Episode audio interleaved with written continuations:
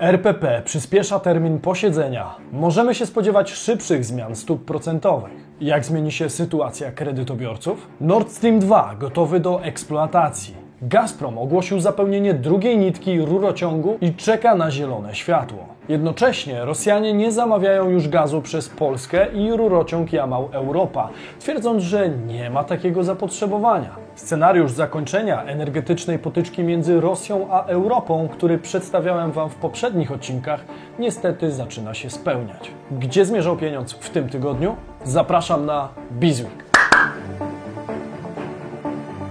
Cześć, z tej strony Damian Olszewski i witam Was serdecznie w programie Praktycznie o Pieniądzach i informacyjnej serii Bizweek. Przeglądzie najważniejszych wydarzeń tygodnia w świecie biznesu i finansów. Życzę Wam w nowym roku grubych portfeli i dużo, dużo zdrowia. Czas to pieniądz, więc zaczynajmy. RPP przyspiesza termin posiedzenia.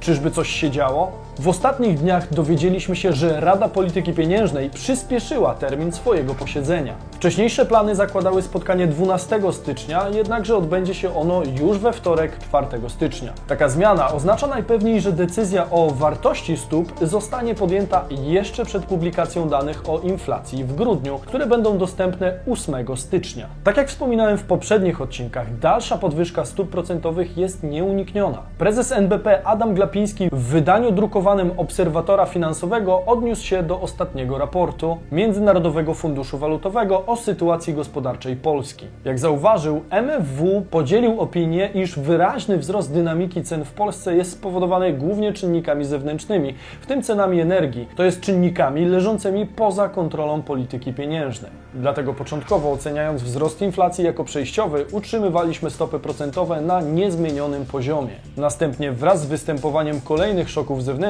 przede wszystkim ponownym wzrostem cen surowców na rynkach światowych, nasza ocena trwałości podwyższonej inflacji uległa zmianie, co skłoniło nas do zacieśnienia polityki pieniężnej, napisał w komentarzu szef NBP. Jak wiecie z moich odcinków, nie jest to do końca prawda, ponieważ inflacja bazowa, czyli ta wynikająca z działań wewnątrz kraju, również była bardzo wysoka, co NBP i RPP jakimś cudem przeoczyło. Podobnie jak przedstawiciele MFW, nie od dziś podkreślamy także, że w obecnych warunkach makroekonomicznych, gdy nadal trwa pandemia i jednocześnie następuje szybkie postpandemiczne ożywienie gospodarcze, bardzo trudno jest wskazać docelowy poziom stóp i to nie tylko w przypadku Polski, ale też każdego innego kraju, wskazał Glapiński. Adam Glapiński nie zapowiedział wprost podwyżki stóp. Obstawiam jednak wzrost w przedziale od 50 do nawet 100 punktów bazowych. Przyspieszenie spotkania może bowiem okazać się już odrobinę desperacką próbą zahamowania inflacji przed przekroczeniem psychologicznej bariery 10%.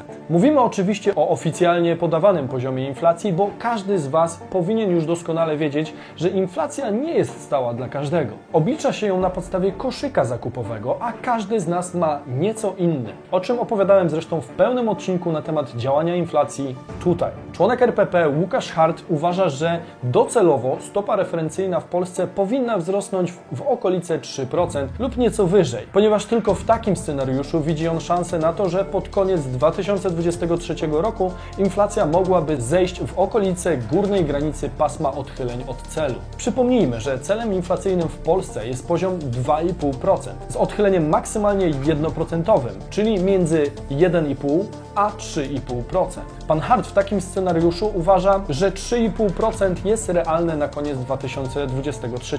O takiej stabilizacji poziomów inflacji pewnie wszyscy marzymy, patrząc na ceny na półkach. Zastanówmy się jednak, co oznacza kolejna podwyżka stóp procentowych dla przeciętnego Kowalskiego. Z jednej strony mamy szansę spowolnienia rosnącej inflacji i to podkreślam szansę, ponieważ nie zawsze tak to się kończy.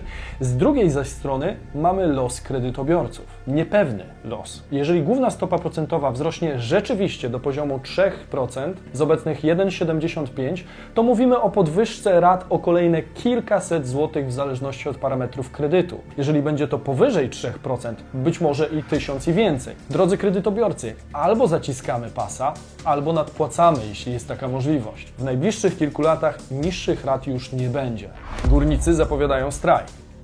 Początek tego roku zapowiada się bardzo dynamicznie, innymi w branży górniczej. 4 stycznia związkowcy z Polskiej Grupy Górniczej zamierzają rozpocząć blokadę wysyłki węgla z kopalń spółki. Warunkiem odstąpienia od protestu jest zawarcie porozumienia w sprawie wielkości tegorocznego funduszu płac w spółce oraz rekompensat dla górników. Decyzję o terminie i formie protestu podjął w środę Związkowy Sztab Protestacyjno-Strajkowy. Dzień wcześniej związkowcy spotkali się z zarządem PGG oraz wiceministrem aktywów państwowych Piotrem Pyzikiem. Jednak rozmowy nie przyniosły porozumienia, czego rezultatem jest planowany strajk. Sztab podjął decyzję, że po nowym roku podejmiemy czynną akcję protestacyjno-strajkową, polegającą m.in. na blokowaniu wysyłki węgla, ale podejmiemy także inne działania, poinformował po spotkaniu szef Solidarności w PGG Bogusław Hutek. Skoro minister Pyzik ani zarząd PGG nie widzą możliwości dogadania się, skoro dla nich przeszkodą jest, iż jest to dwudniowa sprzedaż węgla w PGG,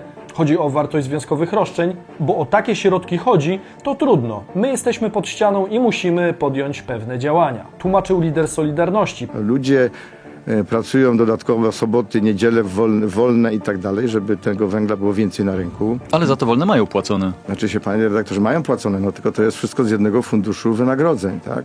Jeżeli będą nadmiernie wykorzystywane soboty, to od poniedziałku do piątku trzeba będzie ciąć wynagrodzenia. I tak de facto wyjdzie na to, że ten górnik pracuje za 7 dni w tygodniu za to samo wynagrodzenie, tak? Z informacji PAP wynika, że przedstawiciele górniczych związków wskazują, iż obecnie z powodu trwającego w całej Europie kryzysu energetycznego i niedoboru surowców energetycznych górnicy od miesięcy pracują w nadgodzinach i w weekendy, co pozwala uniknąć przerw w dostawie energii i ciepła dla społeczeństwa. Górnicy argumentują, że fundusz płac w PGG nie został jednak zwiększony o dodatkowe środki na wynagrodzenia za ponadnormatywną pracę. Związkowcy podkreślają, że dzięki krajowemu węglowi Polska od wielu miesięcy ma niemal najtańszą energię w Unii Europejskiej, a rachunki za prąd rosną znacznie wolniej niż w innych krajach Unii.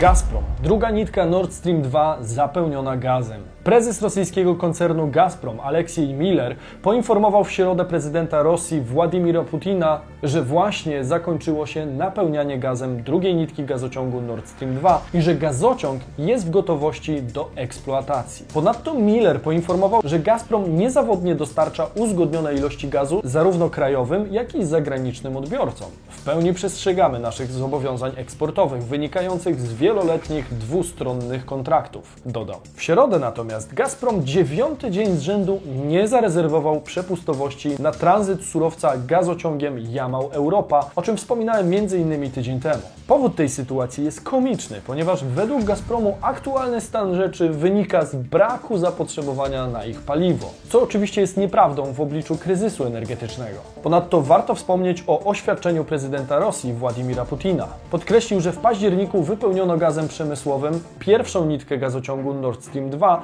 oraz wspomniał o drugiej nitce, o której informował Aleksiej Miller. Jednak największą uwagę warto poświęcić słowom Putina o tym, że gazociąg Nord Stream 2 przyczyni się do ustabilizowania cen gazu w Europie. W to akurat nie wątpię. To zdanie jednoznacznie jest kolejnym krokiem w realizacji strategii energetycznej Federacji Rosyjskiej, której efektem może być m.in. uzależnienie Unii od rosyjskiego gazu. Uzależnionym natomiast warto być od cotygodniowego wartościowego przeglądu świata biznesu i finansów, który możecie oglądać dzięki subskrypcji kanału tutaj. Mówił Damian Olszewski, a to był Bizweek. Zostawcie łapkę w górę, jeżeli podobał Wam się odcinek i widzimy się w sobotę i niedzielę o 15.